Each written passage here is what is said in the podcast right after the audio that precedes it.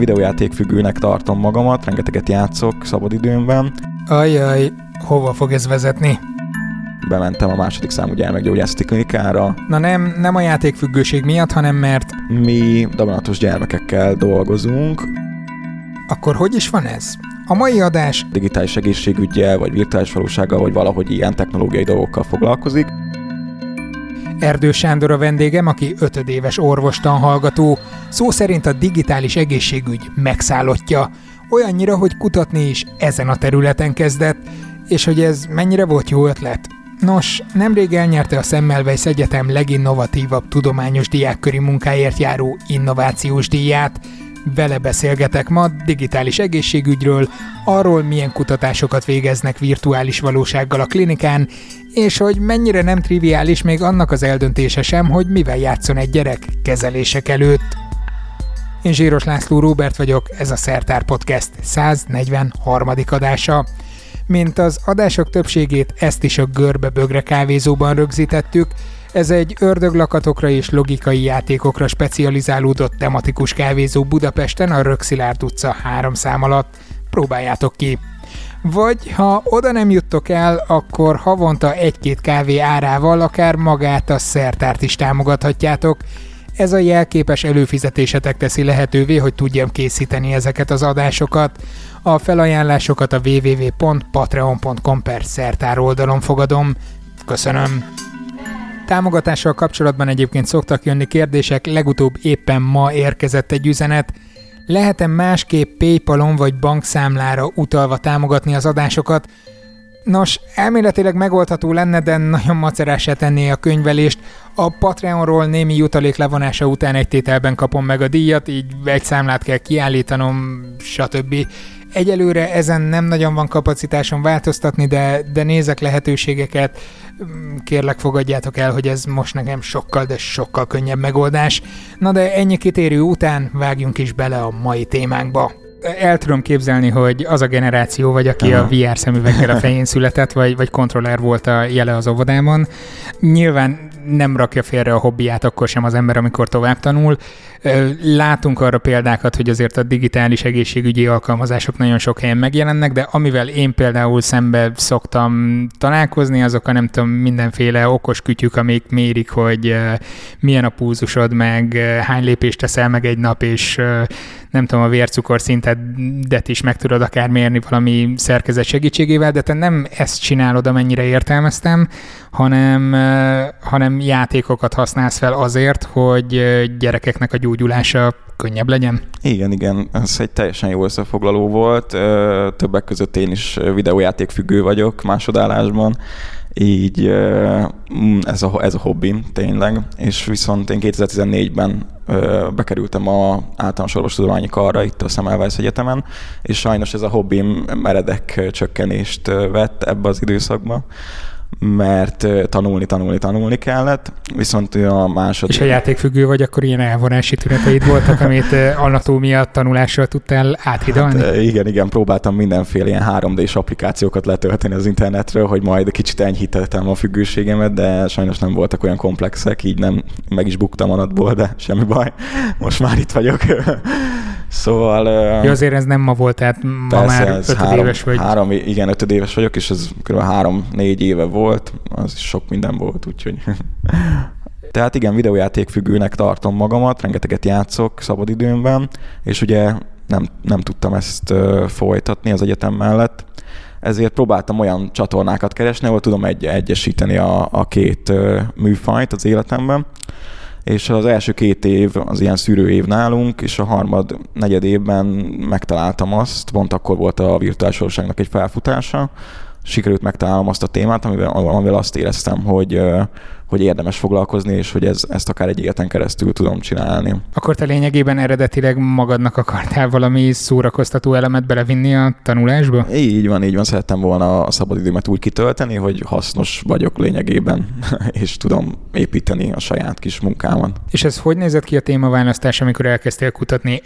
Végig kilincselted a tanszékeket, hogy hol lehetne VR-t belevinni bárhol az orvostudományba, vagy találtál olyan tanszéket, olyan kutató hallgató csoportot, ahol eleve foglalkoztak ezzel a lehetőséggel? Ez egy nagyon jó kérdés, mert nagyon tanulságos példa az én történetem mivel megpróbáltam a mindenféle ilyen honlapokon keresztül olyan, olyan TDK munkákat keresni, mert ezek így közé vannak téve, amik elérhetőek számomra, és a digitális egészségügyel, vagy virtuális valósággal, vagy valahogy ilyen technológiai dolgokkal foglalkozik.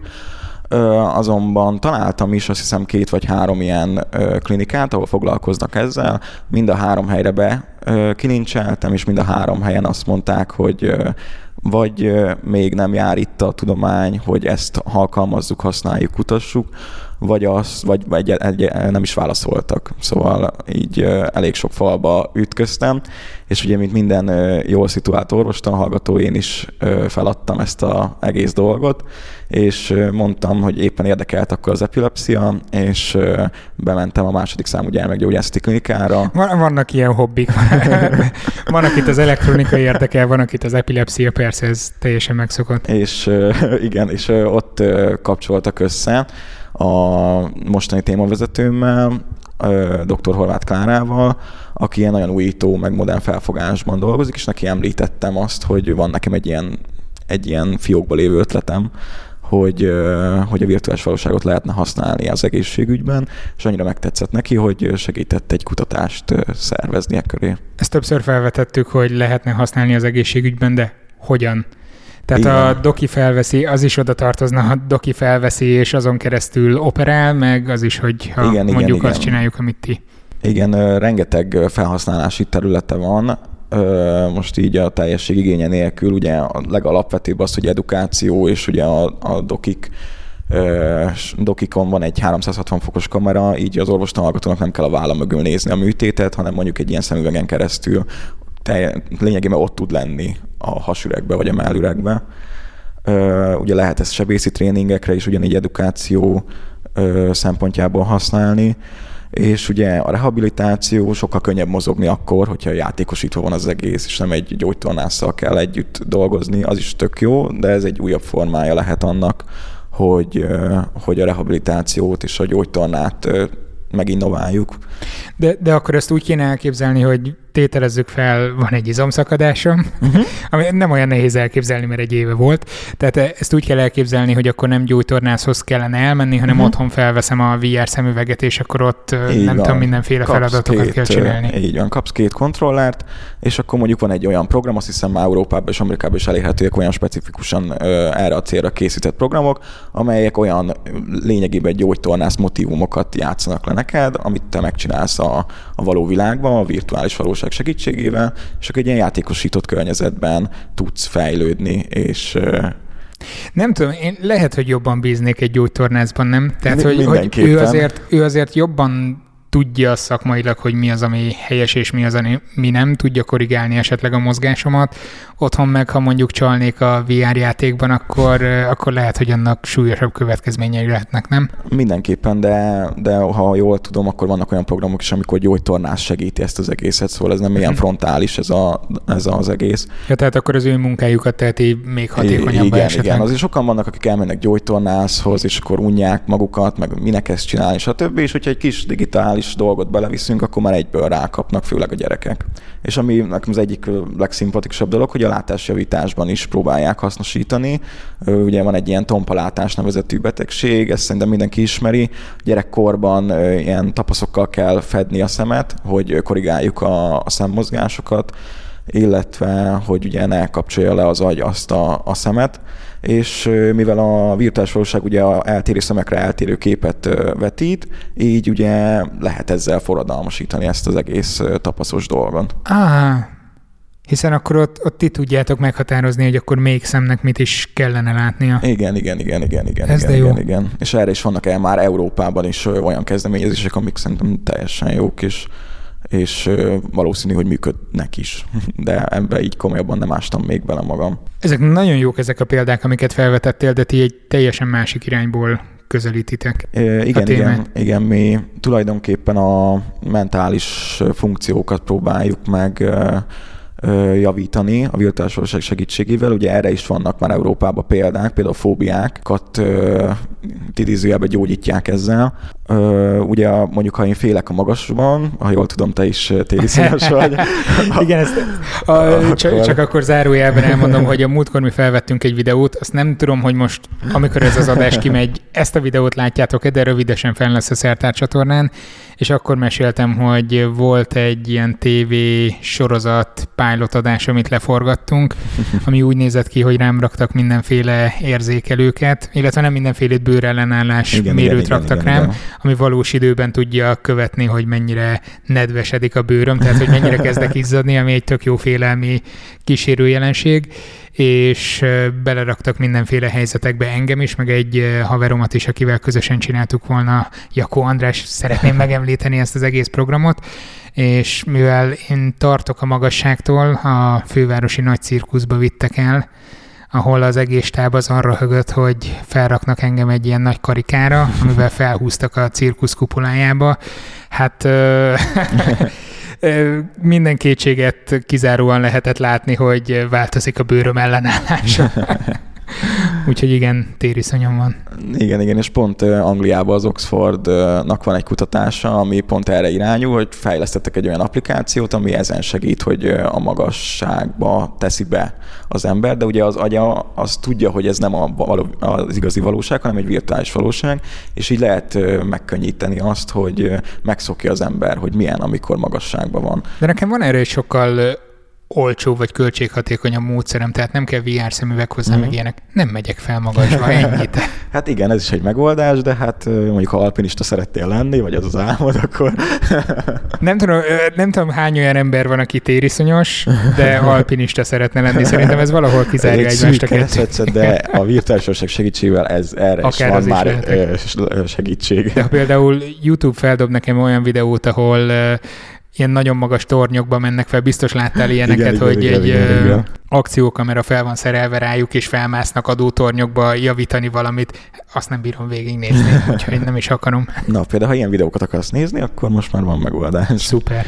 Szóval a fóbiák, és ugye amivel mi ö, foglalkozunk, az az, hogy a szorongás és depresszió csökkentés tulajdonképpen a virtuális valóság segítségével.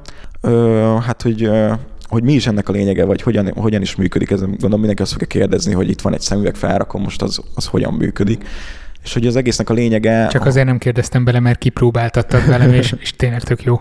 E, igen, az egésznek a lényege az, hogy eltereljük a figyelmet. Lényegében van erre egy szép magyar szó, a disztrakció, ami segítségével el, eltereljük annyira a figyelmet, hogy ne vegyen tudomást a, a páciens az aktuális test és szellemi problémáiról tulajdonképpen. Két kérdés vetődik fel. Az egyik az az, hogy ez miért jó, uh-huh. hogy eltereljük a figyelmét, tehát hogy ez, ez miben segíti a gyógyulást, vagy, vagy az orvosnak a munkáját, a másik, azt majd inkább később felteszem, hogy, hogy nem lehetne ezt máshogy is megoldani. Mi ugye daganatos gyermekekkel dolgozunk, ugye az ő betegségük több szempontból is nehezített, mivel ugye egyrészt sokszor van, hogy hosszabb időre kórházba kell kerülnie, szerintem azt nem is kell mondani, hogy senki nem szeret kórházba lenni, elszakad a családtól, a barátoktól, hirtelen minden megváltozik, és hogy a kórház hidegfalai lesznek az új otthona a másik pedig az, hogy a kemoterápia rengeteg mellékhatással jár, ami ugyanúgy kihat a,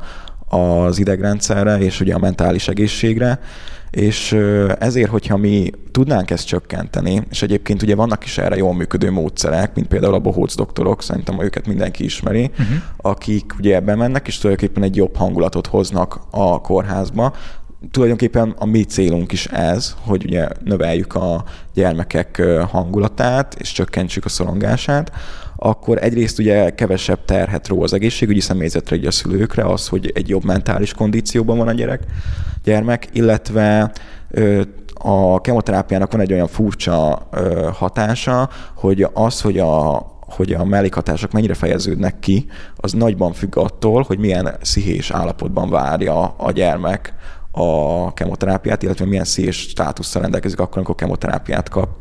És így még mondjuk így adataink nincsenek rá, de de azban reménykedünk, hogy kevesebb fájdalomcsillapítót és kevesebb hány, hányas csillapítót kell bevenni a gyermeknek a bentlét során. Azt mondod, hogy ebben reménykedtek, ami, ami nagyon jó, hogy felvetetted, ugyanis nekem azért izgalmas ez a téma, amit itt bedobtál, mert egy kutatásnak az elején vagytok lényegében, tehát hogy még nincsen eredményetek, amennyire értelmezem, vagy igen, max igen, ilyen igen. előzetes elképzeléseitek, hogy mit kellene.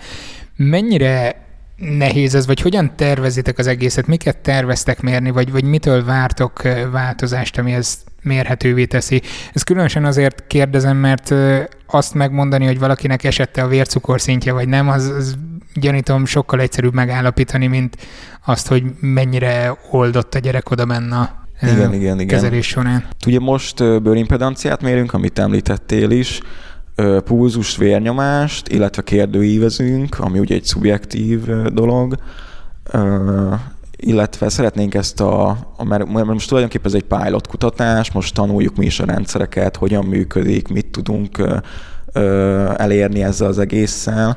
Ez, ez azért nagyon fontos, és szeretném hangsúlyozni, hogy ezek azok, amikről szinte soha nem esik szó tehát jönnek a kutatók, hogy ilyen áttörő hatást értünk el ezzel meg ezzel, de azt, hogy hogyan indulnak el, hogyan kell egyáltalán beállítani az egészet, az, az nagyon ritkán megy át a köztudatba, hogy mennyi munka is van ezzel.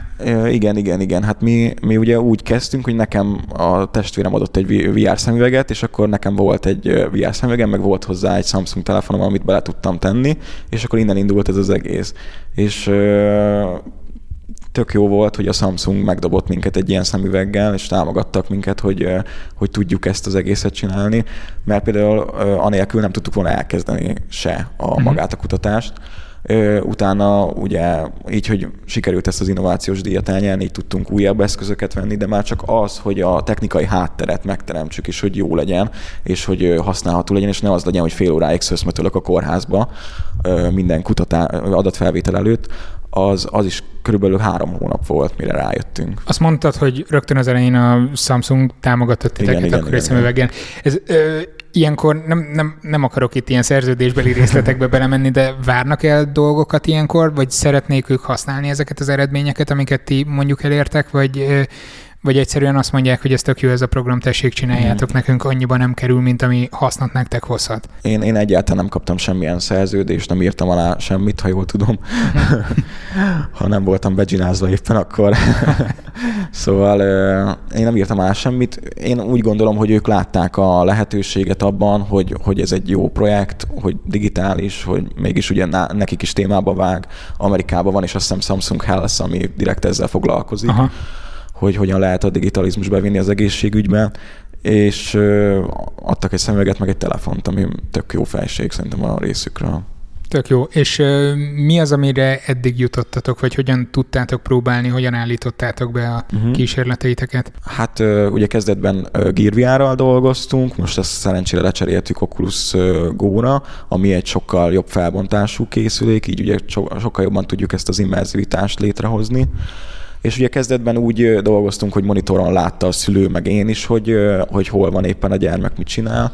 Most már szerencsére sikerült megtanulni a programokat annyira, hogy monitor nélkül tudunk dolgozni, így megspórolva 15 perc wifi és egyéb csatlakozási problémákat. Úgyhogy szerencsére így már tudtunk Lehet, fejlődni. hogy ez jobban frusztrálná a páciens, hogy, hogy látja az orvost, hogy nem tudja, hogy hogy kell fellépni a wifi-re, mint az, hogy... Igen, igen, igen, igen.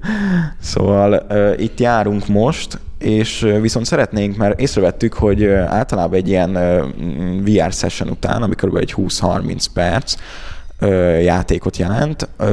Általában fáradtak a gyerekek, ugye ez valószínű, hogy rengeteg inger éri ugye a virtuális világban a gyermekeket, és ha lesz egy következő kutatásunk, már pedig lesz, mert, mert szeretnénk, akkor mindenképpen szeretnénk alváselemzést is belevinni ebbe a dologba, mert, mert szerintem van egy ilyen hatása is annak, hogy egy, egy ilyen virtuális valóságjáték után sokkal jobban alszanak a gyerekek, sokkal mélyebben tudnak. Azt el tudjátok különíteni, hogy az az a fáradtság, amit ilyenkor tapasztalnak, az mennyire származik mondjuk a játéktól, és mennyire attól, hogy kimerülnek mondjuk a kezelésekben, vagy a várakozásban, hát, vagy ilyenekben? Minden, mindenképpen megpróbáljuk majd valamilyen eszközzel, de, de valószínű, hogy én már ben voltam mondjuk 15 gyereknél, és hat jelezte utána, hogy fáradt, és esetleg mikor már visszamentem a kérdével, már aludt is, úgy kellett szegényt felébreszteni akkor vala, valamilyen... Ötödik kérdés, mennyire érzed magad ébernek? Igen, szóval, hogy valamilyen szinten biztosan közre játszik ez is ebben a dologban. Ha annak akkor a jelentősége van, hogy eltereljük a gyereknek a figyelmét, vagy nyilván felnőttnek is a figyelmét. Miért VR szemüveg jelentheti a megoldást itt, és miért nem mondjuk meditációs technikákat érdemes gyakoroltatni velük, miért nem képregényeket olvasnak, miért nem berakunk egy mozifilmet, vagy egy saktáblát betolunk, vagy valami? Ez egy, ez egy nagyon jó kérdés, mert egyébként ezekkel a technikákkal is szerintem lehetne elérni a célunkat, illetve én tudok is olyan meditációs technikákról, amit direkt kemoterápia alatt használnak felnőtteknél, és állítólag nagyon jó eredményekkel. Mindfulness terápiáról van szó egyébként. Igen, na hát akkor igen, igen, erről. Ennyire nem ástam bele még magamat, de mindenképpen egy, egy jó irány ez is. Viszont én úgy gondolom, hogy, a, hogy egyrészt ugye a, a virtuális valóság miatt, hogy ugye kizárjuk a környezetet, és egy, egy új világba helyezzük a gyermeket, ezáltal sokkal nagyobb eredményeket tudunk elérni, mint hogyha mondjuk egy YouTube videót néz a, a gyerek, vagy mondjuk egy Candy Crush-sal játszik, és pont be is építettük ezt a mi kutatásunkba, mert a, a kontrollcsoportot ugyanaz a gyerek jelenti, ugyanakkor ugyan, ugyanazt a kemoterápiát kapja, csak egy telefonos játékkal játszik, vagy videót néz, vagy hasonló. Így arra is lesz adatunk, hogyha vége lesz a kutatásnak, hogy mennyivel jobb az, hogy virtuális valóságot használ a gyermek, és nem telefont. A Candy Crush-t azt szerintem el tudjuk képzelni, vagy bármilyen játékot, ami ilyen idegölő és, igen, és igen, lehet igen, monotonan igen, igen, igen.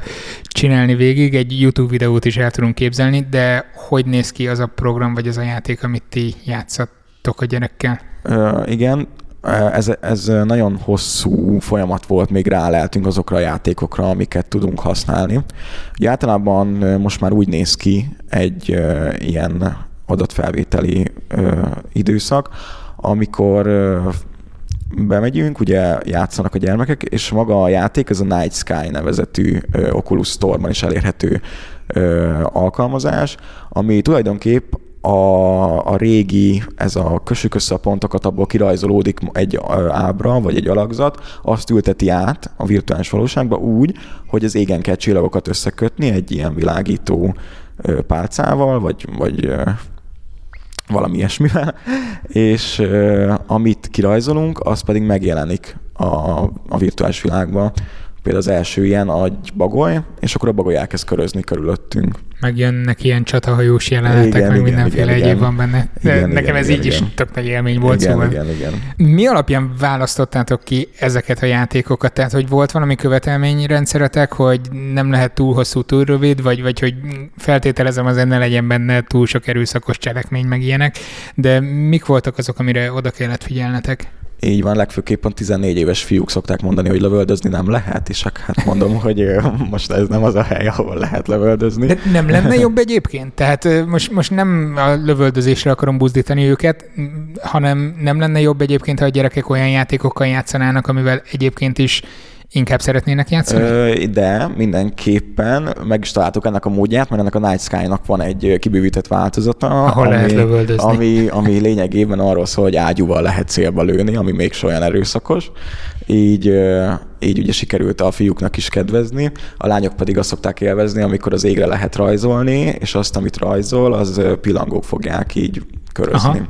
Szóval egész jó kis program erre a célra ez az applikáció, illetve fontos megemlíteni, hogy lényegében ez egy kutatásfejlesztés, amit mi csinálunk, mert hoztunk olyan játékokat, ami kiderült, hogy egyáltalán nem működik, és volt olyan is sajnos. Mert hogy értve nem működik, hogy a gyereket nem köti le, nem indul maga a program, vagy, vagy nem tudjátok felhasználni úgy, úgy nem működik, hogy, hogy a gyerek vagy azt jelzi, hogy unalmas, vagy Aha. azt jelzi, hogy túl megterhelő számára, túl sok inger éri, illetve ugye fontos azt is megemlíteni, hogy a kemoterápia egyik legfőbb mellékhatása a hány inger, és ugye a virtuális valóság meg köztudottan tud hány ingert okozni bizonyos embereknél, akik nem annyira nem annyira tudják befogadni ezeket az élményeket. Ezért elég nehéz lehet ezeket a hatásokat kiszűrni, mondjuk, hogyha tényleg exakt vizsgálatokat akartok csinálni, már pedig feltételezem igen, azt igen, szeretnétek igen, csinálni. Igen, igen, hát próbálkozunk ugye minden ilyen zavaró tényezőt kizárni, és ugye itt sikerült meg olyan, ját, így sikerült olyan játékokat találni, amivel egyáltalán nem jelentkeznek ilyen tünetek, és teljesen élvezhető, és tényleg 20-30 percig el vannak a gyerekek.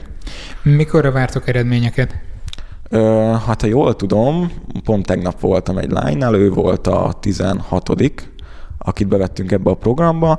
Úgy látjuk lassan, hogy most már így elég az alanyszámunk, illetve nekem meg szükségem lenne egy szakdolgozatra jövőre, így ez, most próbáljuk meggyorsítani a folyamatokat. Ez meghatározza. Úgyhogy szerintem legkésőbb nyárra lesz valamilyen adatunk ebből az egészből. Én már szeretnék ott járni. Hogyan vonjátok be a gyerekeket?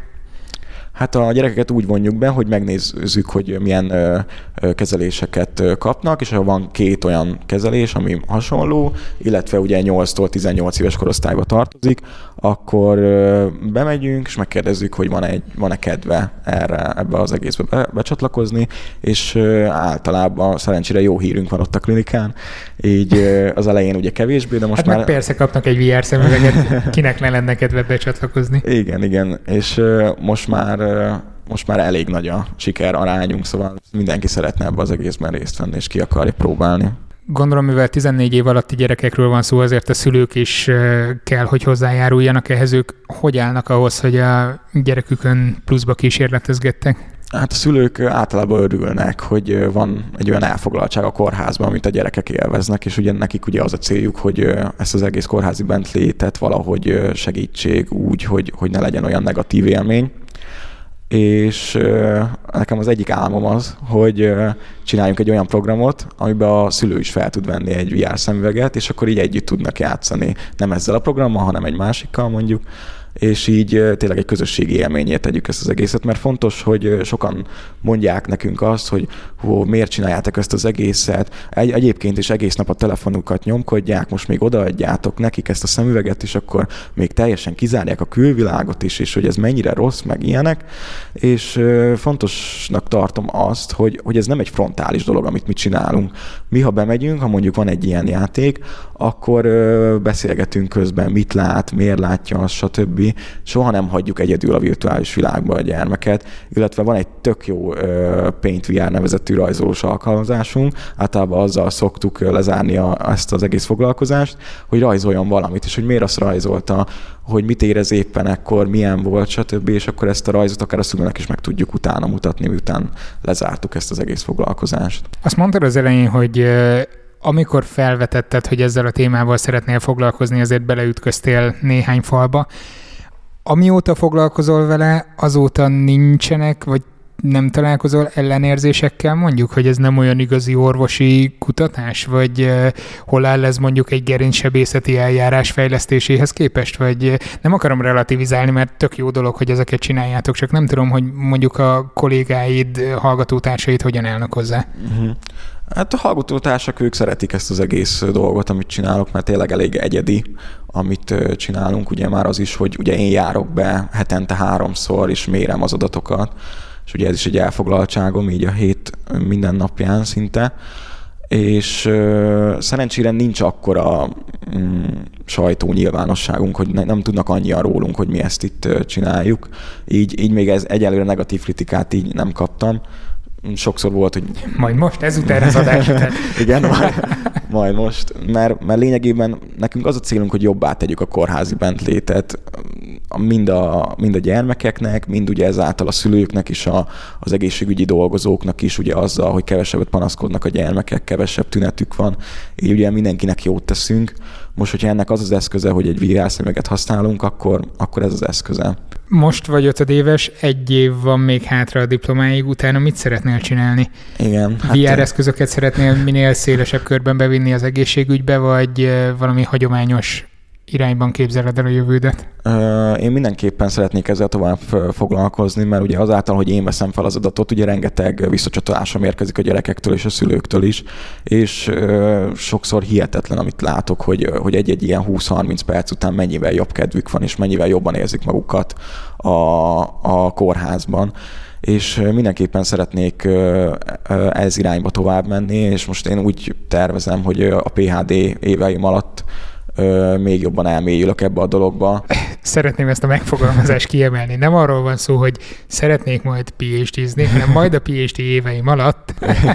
Hát jó. Tehát hát, ez már eldöntött akkor. Hát én, én, én mindenképpen szeretnék ezzel foglalkozni, mert tényleg nagyon nagy hatása van rám is, hogy, hogy ezzel foglalkozzak, és szeretném azt, hogy a kemoterápia minden napján kapják ezt a gyerekek, minden napján kipróbálhassák, akár legyen egy VR szoba, ahova nyugodtan bemehetnek, és tudnak akár önmaguk is játszani, illetve különböző olyan szervezetekkel együtt működni, akik eljuthatnak akár az ország összes daganattal, daganatos betegséggel küzdő gyermekeihez, és ő náluk is kipróbálni ezt az egészet, hogy milyen hatása van. Ez nagyon szép, amiket elmondtál, és tényleg ez akár zárszó is lehetne, viszont mennyire látod egyedinek azt a munkát, amit ti képviseltek, vagy mennyire látod azt, hogy ez begyűrűzne akár más területekre is. Teljesség igénye nélkül Magyarországon a pszichiátriai klinikán dolgoznak a repüléstől való félelem virtuális valósággal való kezelésével kapcsolatban, ami szerintem egy tök jó Látod, dolog. én azt is meg tudnám oldani, nem repülnék ennyi. Igen, mondjuk ez már azért nehezebben kivitelezhető, hogyha mondjuk meghívnak egy konferenciára, vagy valami. Viszont azt látjuk is a egyes elemző társadatok alapján, ugye azt tudjuk, hogy a virtuális valóság ma a gaming tulajdonképpen egy az egyben, viszont egyes kutatók szerint, egyes csoportok szerint 2025-re mindig megmarad a gaming, a vezető ágazatnak, viszont a második legnagyobb felhasználása az egészségügy lesz, a harmadik a mérnök, a negyedik pedig az ingatlan eladásokkal kapcsolatban. Ez azért egy elég jó mezőny. Eleve az meglep, hogy a másodikra az egészségügyet rakták, bár az alapján, amit még az adás elején elmondtál, hogy milyen területeken kezdik el most is használni, ez teljesen oké, az ingatlan eladás, az, az mit bemutatod VR szemüvegen keresztül a lakást, és nem hát, kell elmenni? Gondolod el, hogy már akkor el tudod adni a lakást, amikor még, még el se kezdték építeni, hanem valamelyik fejlesztő lefejleszti azt, hogy hogyan fog kinézni a szobája az embernek, a nappalia. És be tudod barangolni. És az egészet be tudja barangolni. Ez hogy... azért érdekes, mert legalább 6-7 évvel ezelőtt voltam egy programban, ahol, ahol elkezdtek múzeumokat felépíteni ilyen VR technológiával, és nagyon-nagyon nem ment át, és ott meg is bukott a projekt, de szerintem túl korán vetették ezt be. Hát igen, igen, igen. Mert hogy még nem egy... jutott el túl sok emberhez, és nagyon nehéz volt igen, egyébként igen. eszközöket beszerezni hozzá. Persze attól még lehetnek most ilyen programok, sőt valószínűleg vannak, és írjátok meg egyébként, ha tudtok ilyenekről, de az a, az, az adott projekt az akkor elég csúnyán megbukott. Igen, én is egyre több helyről hallom, hogy itt is, itt is, itt is. Például mondjuk egy autószalomba ki lehetett próbálni a virtuális valóságot, és akkor, ha megrendeli az ember az autóját, akkor látta előre, hogy hogy fog kinézni, bele tudott szállni. Nagyon menő volt nekem is látni ezt, hogy itt is használják. Szóval nagyon nagy, én, én úgy is gondolom személyes véleményem szerint, hogy a, a videójátékipart már mondjuk már valamilyen szinten forradalmasította a VR, de soha nem lesz az, hogy mondjuk a monitoros gaminget leváltja majd a virtuális valóság, hanem mindenképpen a, a VR potenciáját abban látom, hogy a különböző iparágak hogyan fogják majd ezt felhasználni, mert rendkívül jó dolgokra lehet hasznosítani. És ezt talán támasztja az is, hogy a, a PubMed-en, ami az egyik legnagyobb orvosi cikk gyűjtő oldal. 2017-ben már 949 publikáció jelent meg, és az évek alatt meredeken emelkedik a száma, szóval mindenképpen nagy Most itt van előtted egy grafikon, tényleg az egy igen, exponenciális igen. növekedés lényegében. Szóval egyre többen fedezik fel, főleg tengeren túlon, de itt Európában is egyre több olyan kezdeményezés van, ami, ami zseniális szerintem. Ilyenkor azért felvetődik az a kérdés, amit szerintem te nagyon nem szeretnél kapni, és majd megkérsz, hogy vágjam ki. Öm, nagyon gyakran mossák össze az emberek az orvostudományt az egészségügy helyzetével. Mhm. Mennyire lehet mégis beleilleszteni ezt a magyar rendszerbe? Hát akkor szeretném, hogy kivágnám. Amúgy ez egy, ez egy tényleg egy nagyon nehéz téma. Biztos nem fognak virtuális valóság idézőjelbe terápiát receptre felírni 2025-ben az orvosok, tehát mindenféleképpen ez egy nehéz ügy lesz. Viszont én úgy gondolom, hogy vannak, illetve tudunk olyan szponzorokkal együtt dolgozni, akiknek ugyanúgy szívügye az, hogy egy jobb, jobb kórházi légkört teremtsünk, és ezáltal a virtuális valóságot bevinni az egészségügybe és a kórházba. Akár már csak arra is, hogy mondjuk az injekció... Hogy fel, felveszed a szemüveget, és nem látod az omladozó vakolatot például. Hát igen, igen, igen, igen, de, de már arra is fel tudnánk használni, hogy ha injekciót kap a gyermek, előtte felveszi, és akkor tulajdonképpen kizárjuk a környezetet, és így egy fájdalommenedzsmentet érünk el, mert ez az egyik legkutatottabb területe a virtuális valóságnak, hogy a fájdalmat hogyan tudjuk csökkenteni úgy, hogy nem használunk gyógyszereket, és semmi olyat, ami mellékhatásokkal járna, hanem csak egy szemüveget felvesz, és mondjuk egy tűzszúrás az egyből semmivé válik. Hú, fogorvosnál be lehet nevetni. E, igen, én, én is szoktam beszélgetni a fogorvosommal erről. Illetve még... Nem, nem néz ez rád furcsán, amikor így befekszel a székbe, és felveszed a hát, kis hogyha, ha nem fáj az, hogy fúrják a fogamat, akkor én bármit megteszek, csak ne fájjon. szóval én, én már úgy szoktam sírni az érzéstelenítő adása után is, hogy szólnak, hogy minden rendben van-e. Hölgyeim és uraim, egy leendő orvos hallanak éppen. és egyébként a vért sem bírom, úgyhogy de, Komolyan? de bírom, persze. Uh, Fukó volt az, tudod, az ingás igen, fickó, igen, aki igen, orvosnak készült, de annyira nem bírta a vért, hogy inkább elment fizikusnak. hát vannak olyan szakmák, ahol vele lehet. annyit nem, nem találkozik a vérrel, de bírom amúgy, meg, meg stb. stb. Most erről nem akarok beszélni, mert nem érdekli a nézőket.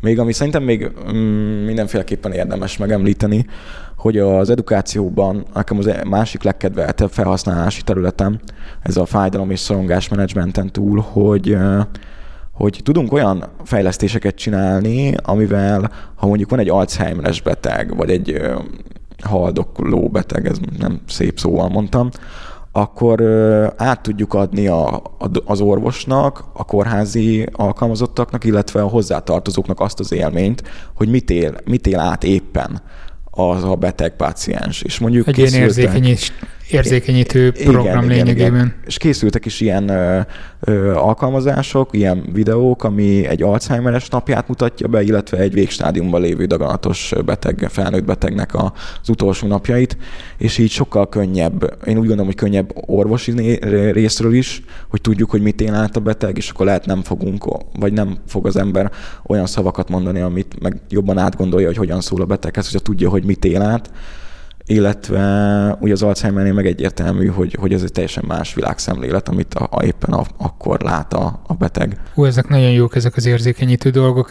Néhány adással ezelőtt, három vagy négy adással ezelőtt voltak itt Vajda Kittiék, ők autizmus spektrumzavarral foglalkoznak, és arra pont erre építettek fel egy ilyen érzékenyítő programot, hogy hogyan lehet az embereknek megmutatni, hogy eh, hogyan éli a mindennapjait egy autizmussal élő, hmm. és hogy mekkora hatása van egy-egy olyan programnak, ahol te magad bele tudsz helyezkedni valakinek a má- valaki másnak a helyzetébe, át tudod élni, és teljesen másképp állsz onnantól kezdve a hmm. problémákhoz. Igen, mindenképpen előny szerintem az egészségügy számára, hogyha ilyen, ilyen appokat fejlesztenek, vagy ilyen videókkal töltjük meg az internetet, mert mert azért a virtuális valóság segítségével tényleg egy olyan tényleg be lehet vonódni ebbe az egész világba a legjobban. Nem olyan, mint egy monitort néznénk, és hát tudjuk, hogy mi egészségesek vagyunk, stb.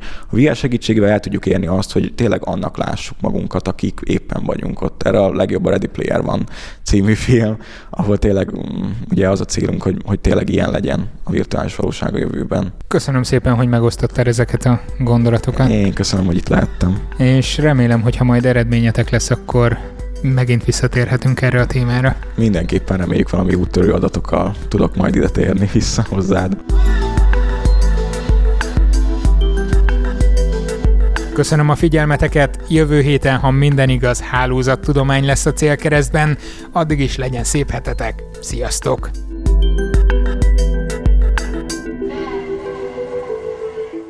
Ez a műsor a Béton közösség tagja.